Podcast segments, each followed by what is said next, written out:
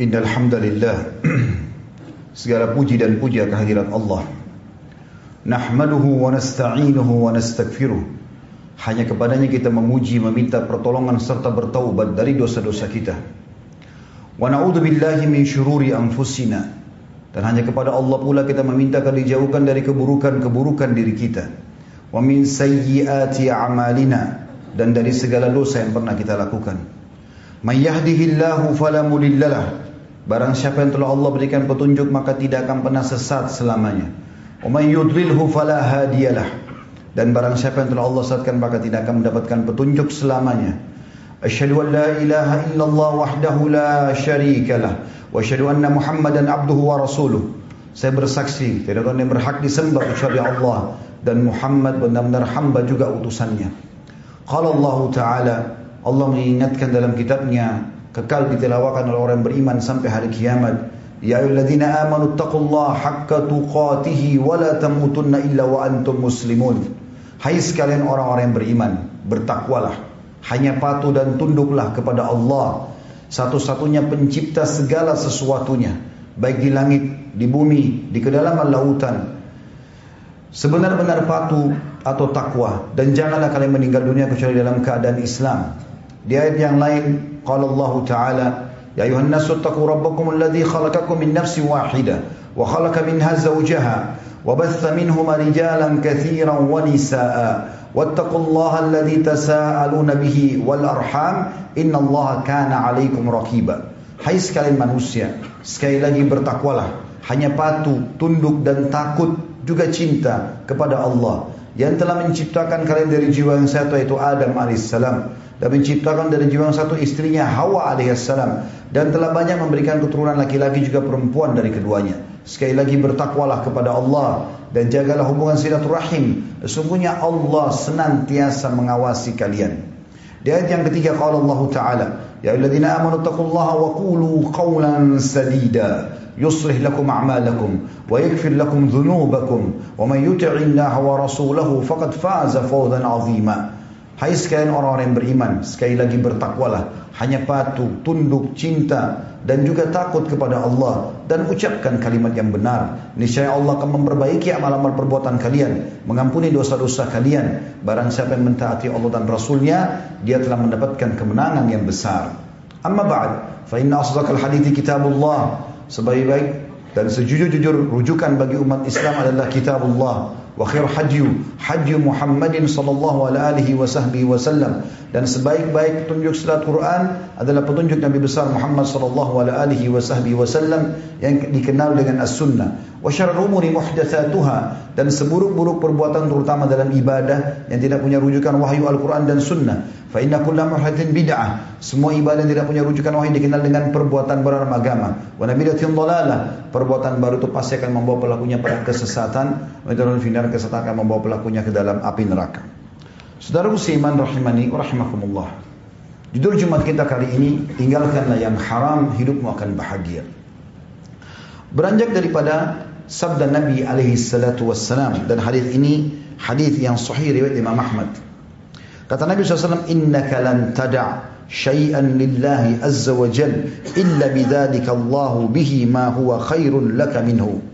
Sesungguhnya jika engkau meninggalkan sesuatu karena Allah, karena itu haram, kamu takut dan kamu tinggalkan, niscaya Allah akan memberi ganti padamu yang lebih baik daripada yang kau tinggalkan itu. Banyak sekali hal-hal yang telah Allah Subhanahu wa taala jelaskan di dalam kitabnya, juga dijelaskan oleh baginda Nabi alaihi salatu wassalam sebagai utusannya. Sebagaimana Nabi SAW mengatakan inna halal bayyin wa inna haram bayyin. Sesungguhnya yang halal sudah dijelaskan, yang haram juga sudah dijelaskan. Jadi semua sudah jelas bagi kaum muslimin, mana yang boleh, mana tidak boleh. Semua yang halal kita disuruh nikmati dan ini sifatnya jauh lebih banyak daripada yang haram. Misal Allah Subhanahu wa taala mengharamkan babi, maka Allah ganti dengan sapi, kambing, ayam, kelinci, semua hewan air. Allah haramkan khamr, maka Allah ganti dengan susu, madu, sirup dan yang lainnya. Maka sesuatu yang haram jauh lebih sedikit daripada yang halal dan semuanya sudah dijelaskan. Allah Subhanahu wa taala memerintahkan kita untuk mempelajari yang haram dan dijauhi bukan untuk dicoba dan Allah memerintahkan memerintahkan kita untuk mempelajari yang halal untuk dinikmati. Siapa pun yang meninggalkan sesuatu yang haram maka akan menjadi cahaya bagi hidupnya. Dan siapa yang membuat sesuatu yang haram maka akan bencana, akan menjadi bencana dalam hidupnya.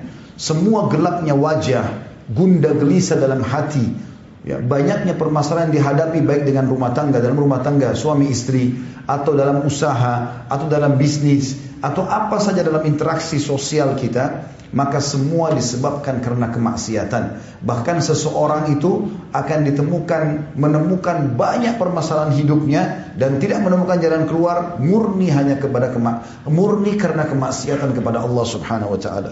Sebaliknya, orang yang meninggalkan yang haram itu Allah akan ganti dengan sesuatu yang menggembirakan dia yang mirip sejenis dengan apa yang dia tinggalkan tapi yang dihalalkan. Contoh misalnya, Allah Subhanahu wa taala mengganti bagi orang yang meninggalkan transaksi haram diganti dengan transaksi yang penuh dengan berkah dan menguntungkan. Sebagaimana sabda Nabi sallallahu alaihi wasallam di dalam hadis Bukhari Muslim, "Al-bayyi'ani bil khiyari ma lam yatafarraqa." أو قال حتى يتفرقا فإن صدقا وبينا بورك لهما في بيعهما وإن كتما وكذبا محكت بركة بيعهما Kedua orang yang sedang transaksi, penjual sama pemberi, masing-masing memiliki hak khiar, boleh teruskan transaksi atau membatalkannya, selama keduanya belum berpisah. Bila keduanya berlaku jujur dan transparan, mobil ini saya mau jual. Apa pernah tabrakan? Ditanya oleh pembelinya, ya kata penjual, pernah tabrakan di sisi depan sebelah kiri. Silahkan dicek, maka akan diberkahi oleh Allah SWT. Tapi kapan mereka jujur, kapan mereka bohong, maka akan diangkat berkah itu. Lanjutan hadis kata Nabi SAW, bila keduanya berlaku jujur dan bersikap terus terang atau transparan, maka keduanya akan memperoleh keberkahan dalam transaksi tersebut. Walaupun uangnya sedikit, berkah akan banyak manfaatnya. Benda walaupun dibeli bekas juga akan berkah, berfungsi sekian lama dipakai. Sebaliknya, bila mereka berlaku dusta, ini maksiatnya dan saling menutup tutupi Gak ada ini, gak ada itu, padahal semuanya bohong. Niscaya akan hilanglah keberkahan bagi mereka pada transaksi tersebut. Yang dimaksud adalah hilang berkahnya. Kalaupun dia dapat duit, maka tidak diketahui dari ke mana uang itu. Sekian miliar habis tiba-tiba atau bahkan mendatangkan penyakit-penyakit atau masalah-masalah yang berat dalam rumah tangganya. Mungkin dia nikmati hari ini rekreasi sama keluarganya, maka dalam perjalanan rekreasi tersebut akan terjadi pertengkaran, bahkan bukan mustahil terjadi kecelakaan dan perceraian. Begitu juga teman-teman sekalian bagi orang yang meninggalkan sifat pelit dan bakhil yang dilarang dalam agama, lalu dia ganti menjadi dermawan, dia royal di jalan Allah, maka Allah pastikan akan memberikan dia keuntungan di setiap transaksinya. Sebagaimana Allah sebutkan dalam surah At-Taghabun ayat 16. A'udzu billahi minasyaitonir rajim. Wa may yuqa syuhha nafsihi fa ulaika humul muflihun. Dan barang siapa yang dipelihara dari sifat kekikiran darinya, artinya dia dermawan, maka mereka adalah orang-orang yang selalu diberikan keuntungan. Bagi orang yang meninggalkan sifat sombong dan membangga-banggakan diri, lalu dia beralih kepada sesuatu yang diperintahkan yaitu tawadhu dan merendah, maka dijanjikan oleh Allah SWT derajatnya akan ditinggikan di dunia dan juga di akhirat. Di dalam sebuah hadis yang sahih riwayat Imam Muslim, kata baginda Nabi SAW, "Wa ma tawadha ahadun lillah illa rafa'ahu Allah." Tidaklah seseorang memiliki sifat tawadhu atau rendah hati, dia merendah dan mengalah yang melainkan Allah akan meninggikan derajatnya. Maknanya di dunia dan juga di akhirat. Sebaliknya dalam hadis Bukhari, siapa yang dalam hatinya ada seperti biji sawi dari kesombongan, maka dia tidak akan pernah mencium bau surga. Begitu juga dalam sebuah hadis yang lain, kata Nabi SAW bagi orang yang meninggalkan sifat dendam kepada sifat pemaaf, sesuatu yang haram diganti kepada yang halal atau yang diperintahkan, Allah akan selalu muliakan si pemaaf tadi. Di dalam hadis sahih riwayat Imam Muslim, kata baginda Nabi SAW, "Wa ma 'abdan bi'afwin illa izza." Tidaklah Allah menambah kepada seorang hamba yang suka memaafkan, melainkan pasti ditambahkan kemuliaan baginya.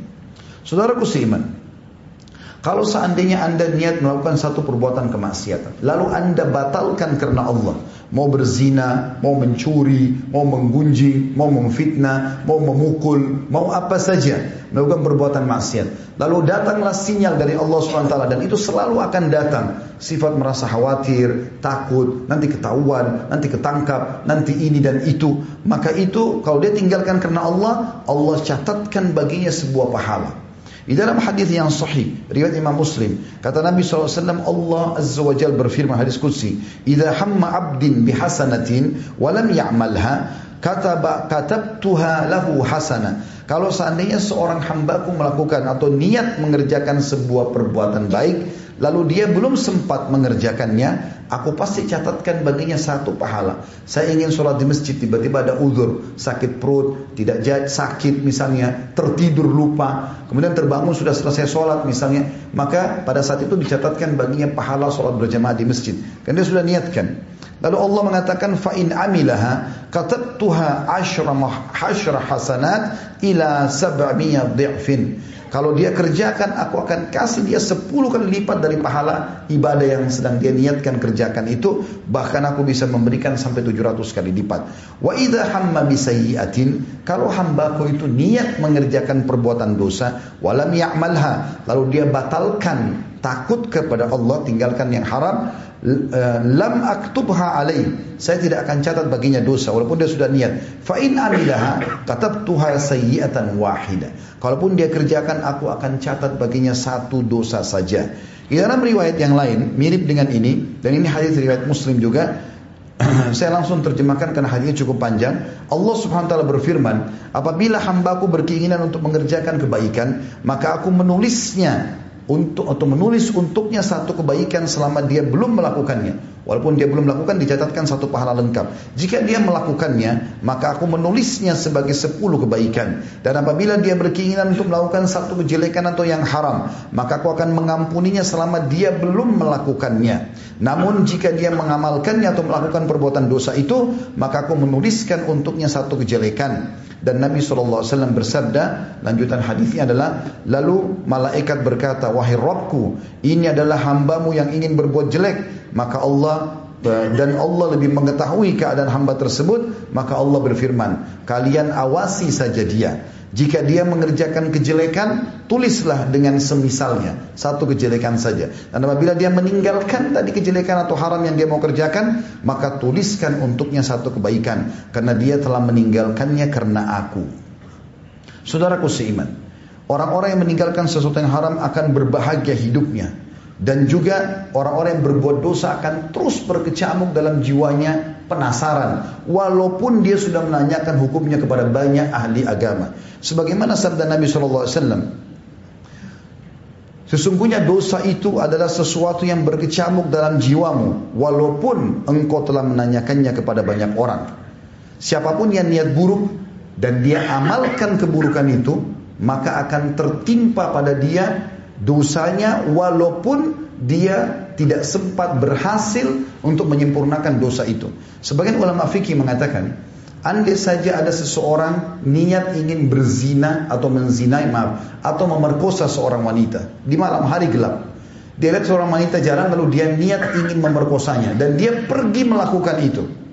Dia memerkosa perempuan tersebut. Ternyata setelah dia melakukan pemerkosaan dia lihat itu istrinya sendiri maka tetap dicatat baginya dosa zina. Begitu juga dalam hadis riwayat Muslim. Kata Nabi SAW merincikan masalah ini tentang masalah kasus yang berbeda dengan zina. Idal takal muslimani bisayfihima fal qatilu wal maktulu finnar. Fakultu ya Rasulullah, hadal qatil, fama, fama balul maktul. Qala innahu kana harisan ala qatli sahibihi. Jika ada dua orang muslim saling bertemu untuk berkelahi, lalu sama-sama menghenuskan pedangnya, Lalu kemudian salah satu terbunuh, maka yang dibunuh dan yang membunuh dua-dua masuk neraka. Maka Abu Bakar radhiyallahu anhu perawi hadis mengatakan wahai Rasulullah, bagi yang membunuh masuk akal saya kalau dia masuk neraka. Bagaimana dengan nasibnya orang yang terbunuh? Maka Nabi SAW memberikan jawaban yang sangat tepat. Beliau mengatakan karena dia sangat ingin untuk membunuh temannya tadi. Anda saya tidak terbunuh, dia pasti akan membunuh. Karena dia sudah jalan dan mengerjakan perbuatan tersebut, maka ini sudah cukup untuk memberikan hukuman kepada dia. Saudaraku seiman, meninggalkan sesuatu yang haram ini akan mendatangkan banyak sekali manfaat dan kejujuran itu akan membuat munculnya rasa cinta Allah kepada kita sebagai pencipta sehingga kebutuhan kita dipenuhi dan juga makhluk akan mencintai kita. Dinukil sebuah kisah nyata bahwasanya ada seorang anak muda di Mekah. Anak muda ini kehidupannya miskin, tapi dia orang saleh. Pada saat dia keluar dari Masjidil Haram, dia temukan ada sebuah kantong berwarna biru tergeletak di tanah. Maka dia ambil benda tersebut lalu dibuka sama dia. Ternyata dalamnya ada batu zamrud berwarna biru. Kemudian dia pun naik ke atas sebuah batu yang cukup tinggi lalu berteriak dengan suara keras, "Wahai muslimin, saya telah menemukan kantong ini. Siapa pemiliknya? Ambillah." Saking jujurnya orang-orang pada saat itu saudaraku seiman tidak ada yang datang mengaku. Orang semua pada lihat, karena di depannya banyak pedagang-pedagang, tidak ada yang mengaku. Dia ulangi dua kali, dia ulangi tiga kali, sampai sepuluh kali diulangi, tidak ada yang mengaku kalau itu barang dia. Tahu anak mudanya kebetulan dikenal oleh masyarakat sekitar Masjidil Haram, lalu dia dia mengatakan, andai saja ada yang mengetahui pemilik ini, tolong tunjukkan rumah saya. Yang terjadi saudaraku seiman, setelah anak muda ini pulang ke rumahnya, tidak lama kemudian datang seorang bapak tua atau kakek tua, naik ke batu yang sama dengan ikma ilahi, Kemudian dia mengatakan, wahai muslimin, saya kehilangan kantong berwarna biru. Siapa yang menemukannya, saya akan memberikan kepadanya 500 dirham. Maka ada satu pedagang datang kepada dia mengatakan, hai bapak tua, tadi sebelum anda naik ke batu ini, di batu yang sama, ada seorang anak muda yang kami kenal saleh memiliki benda itu. Rumahnya di sana, pergilah ke sana. Ringkas cerita orang tua ini pun pergi ke rumah tersebut mengucapkan salam lalu menanyakan tentang benda tersebut. Anak muda ini juga teliti menanyakan seperti apa bentuknya, warnanya. Setelah dipastikan memang sama, diberikanlah kepada si kakek tua tadi. Begitu diberikan, anak muda ini tidak pernah tahu kalau akan dibalas 500 dirham. Maka dia pun tiba-tiba dikasih kantong uang dirham tersebut. Kata dia apa ini? Kata si kakek tadi ini adalah balasan yang sudah saya niatkan karena Allah. Saya ingin memberikan kepada orang yang menemukan permata ini karena permata ini sangat mahal bagi saya, punya nilai. Maka anak muda tersebut demi Allah saya tidak ber, saya tidak niat mengembalikannya untuk menerima balasan. Ambillah. Kakek ini mengatakan ambillah. Terus saja mereka saling menolak sampai akhirnya kakek ini mengalah dan akhirnya dia mengambil termasuk uang tersebut dan diambil batu tersebut kemudian dia pergi. Anak muda ini menceritakan kisahnya. Dia bilang setelah berjalan beberapa hari tentang kasus penemuan batu itu, saya makin sulit hidupnya, susah sekali. Saya merasa saya harus keluar dari Mekah untuk mencari rezeki di tempat lain. Dia pergilah ke Jeddah sekarang, naik kapal, ingin mencari rezeki. Pergi ke mana? Ingin menyeberang ke wilayah ya Afrika, karena Timur Tengah Laut Merah berseberangan dengan Afrika. Di tengah lautan dia bilang, tiba-tiba kapal kapal kami dihantam oleh ombak yang besar, hancur semuanya tenggelam. Saya berhasil selamat karena saya berada di atas sebuah papan, potongan papan kayu kapal tersebut. Lalu kemudian terdamparlah saya di sebuah pulau yang saya tidak tahu pulau itu punya siapa atau siapa penghuninya. Dia bilang ringkas cerita saya masuk kemudian saya temukan ada sebuah masjid dan masjid itu saya lihat sudah lama tidak dirawat. Saya pun membersihkannya. Kemudian mulai saya lihat waktu subuh masuk di pagi hari. Maka dia bilang saya azan. Begitu saya azan, mulailah masyarakat sekitar datang. Kemudian ikut sholat bersama-sama. Waktu selesai sholat mereka menanyakan tentang keadaanku. Lalu aku pun menceritakan tentang keadaanku sebenarnya. Lalu mereka mengatakan, wahai anak muda, sesungguhnya pemimpin wilayah kami di sini itu baru saja meninggal beberapa hari yang lalu. Dia adalah imam kami, dia adalah dia yang mengurus mengajarkan kami dan kami tidak ada yang bisa menggantikan dia. Gak ada yang bisa jadi imam, makanya masjid ini tidak dipakai. Kalau kau bersedia kami tadi lihat kau bisa jadi imam, suara bacaanmu bagus, suara bagus, bisa nggak jadi imam? Dia mengatakan baiklah. Maka dia bilang, anak muda ini cerita, saya pun tinggal beberapa bulan bersama mereka. Mengajarkan mereka Al-Quran, mengajarkan mereka agama dan mengimami mereka. Gak lama kemudian, masyarakat setempat datang lalu mengatakan, wahai anak muda, kami ingin kau menikah dengan salah satu anak wanita terbaik di wilayah kami ini. Awalnya dia menolak, tapi karena masyarakat mendesak terus, akhirnya dia meyakini, dia, akhirnya dia menerima. Kemudian didatangkanlah anak perempuan tersebut menggunakan cadar, pas duduk depannya dibuka cadarnya dengan penuh kecantikan wanita tersebut, tapi anak muda ini justru tidak tertarik melihat wajahnya si wanita tadi. Kenapa? Karena ternyata di leher anak wanita ini ada kalung dan di situ tergantung batu permata sama dengan yang dia temukan di Mekah sekitar beberapa bulan yang lalu. Maka anak muda ini terus melihat batu permata itu. Lalu orang-orang sekitarnya mengatakan, wahai anak muda, kau telah zalimi wanita ini. Kami datang untuk kau lihat wajahnya, bukan kau lihat perhiasannya. Maka dia mulai menceritakan, dia mengatakan, saya mohon maaf, saya punya kisah dengan batu ini. Dan saya yakin itu. Berapa bulan lalu di Mekah ada seorang kakek tua begini, begini, diceritakan semua. Sampai selesai. Maka pada saat selesai, tiba-tiba satu masjid bertakbir semuanya. Lalu anak muda mengatakan, kenapa kalian bertakbir? Kata mereka, kata, kata mereka, apakah kau tidak tahu siapa kaki tua itu? Maka anak muda mengatakan, saya tidak tahu. Kata mereka, kata mereka, itu adalah ayahnya anak perempuan ini. Dan dia pemimpin kami yang kami ceritakan meninggal dan tidak lagi ada yang menggantikannya. Dia waktu pulang dari Mekah menceritakan kisahnya bersama kami. Dan sebelum dia meninggal berapa hari yang lalu dia sempat mengatakan ya Allah aku tidak pernah menemukan laki-laki sejujur yang di Mekah itu jadikan dia sebagai jodoh anakku dan kuasa Allah Subhanahu wa taala karena ketakwaannya dan meninggalkan yang haram Allah jadikan dia mendapatkan permata itu. Dia cerita. Dia bilang karena saya tinggal saya kembalikan karena Allah maka saya menikah dengan perempuan tersebut. Jadi permata itu milik saya sama istri saya. Setelah berjalan pada waktu kami dikaruniai dua orang anak. Berjalan sekian tahun istri saya mati, maka jadilah permata tersebut warisan untuk saya dan kedua anak saya. Berjalan waktu dengan hikmah Allah kedua anak saya meninggal, maka tertinggallah saya bersama dengan permata itu. Saudaraku seiman. Kisah-kisah seperti ini terlalu banyak di dalam histori kaum muslimin. Bagaimana orang meninggalkan sesuatu yang haram Allah ganti dengan sesuatu yang lebih baik. Kemaksiatan sekali lagi hanya akan membuat jiwa itu gundah, ya hati itu kelam, muka itu gelap, tapi ketaatan kepada Allah SWT akan mendatangkan kebaikan. Jangan pernah ragu, selama haram tinggalkan. Ingat hadis pertama tadi khutbah saya sampaikan, man taraka sya'nillah abdalahu khairan min. Siapa sesuatu karena Allah, Allah akan gantikan sesuatu yang lebih baik. Sebagai penutup teman-teman sekalian sebuah kisah dalam hadis yang sahih. Nabi SAW pernah berkata kepada seorang sahabat sambil menunjuk rumah. Apa kau lihat rumah itu? Kata sahabat itu tentu ya Rasulullah. Kata Nabi SAW, rumah itu milik seorang wanita penduduk Madinah yang pernah pergi berjihad. Ikut jihad bersama kami.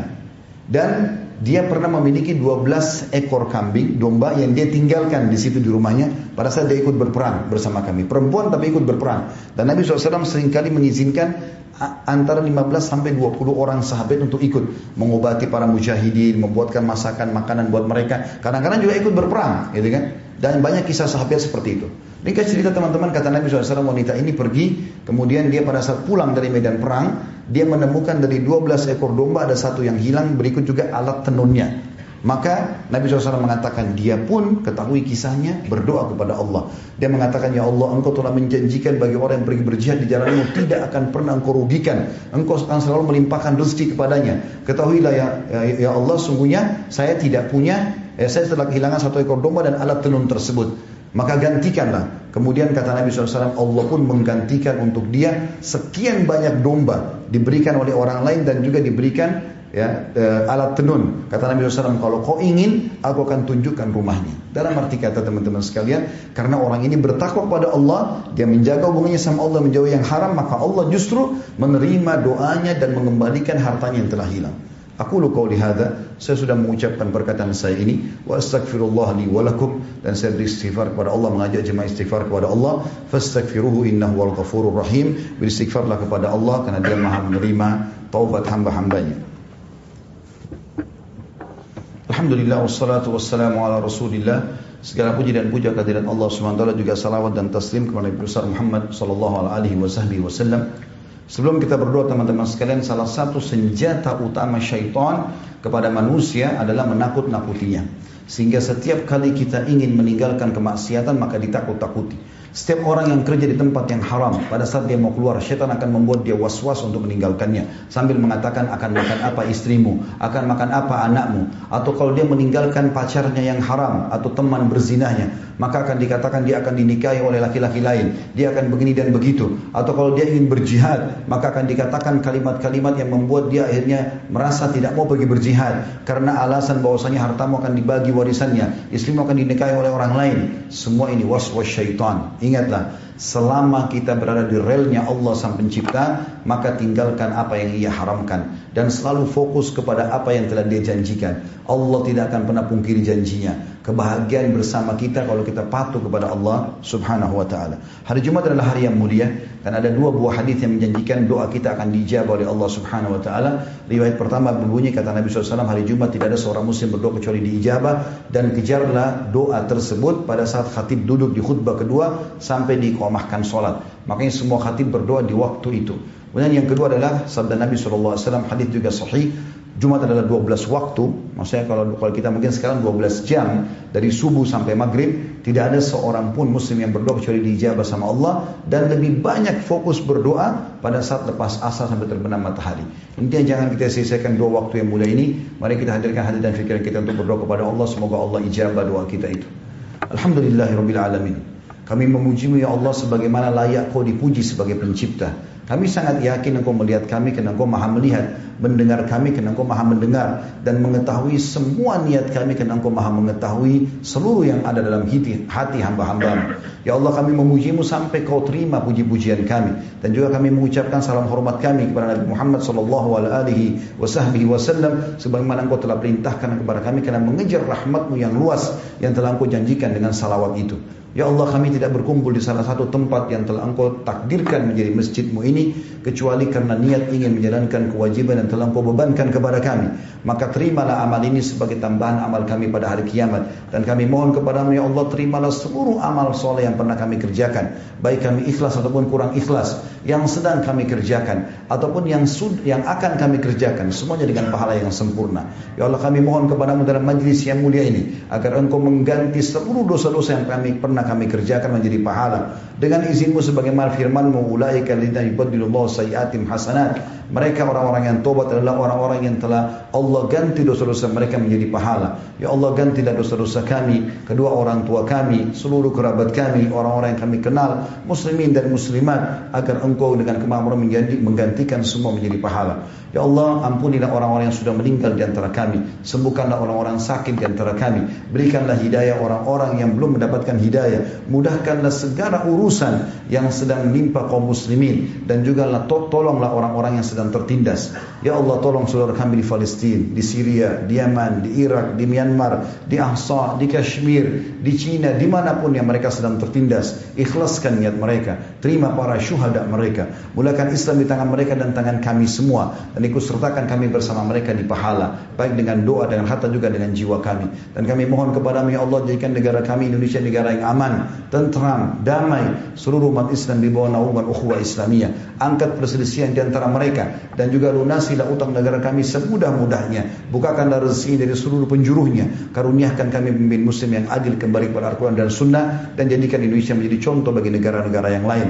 Dan siapa pun yang menginginkan keburukan bagi negara tercinta ini dan bagi kaum muslimin, bagi Islam kembalikan tipu daya mereka dan makar mereka kepada diri mereka sendiri. Rabbana atina fid dunya hasanah wa fil akhirati hasanah wa qina adzabannar wa adkhilna al-jannata ma'al abrar. Ya aziz ya ghafar ya rabbal alamin sallallahu nabiyana Muhammadin walhamdulillahi rabbil alamin. Alamin. Inna Allah ya'muru bil adli wal ihsan. Ketahuilah saudaraku seiman, Allah selalu menyuruh kita berbuat kebaikan dan keadilan yanha 'anil fahsya'i wal munkari wal baghi dan Allah sangat larang perbuatan mungkar, perbuatan keji dan kemaksiatan. Ya'idukum la'allakum tadhakkarun. Itu peringatan dari Allah jadikan sebagai prinsip hidup kalian. Fadhkurullahal azim yadhkurkum. Ingat dan tunduk serta patuhlah kepada Allah, dia pasti akan ingat kalian. Washkuru ala niyami yazidkum. Syukuri nikmatnya dia pasti akan tambah. Wala dzikrullahi akbar. Mengingat Allah dan amal yang paling besar. Wa aqimis shalah dan dirikanlah salat.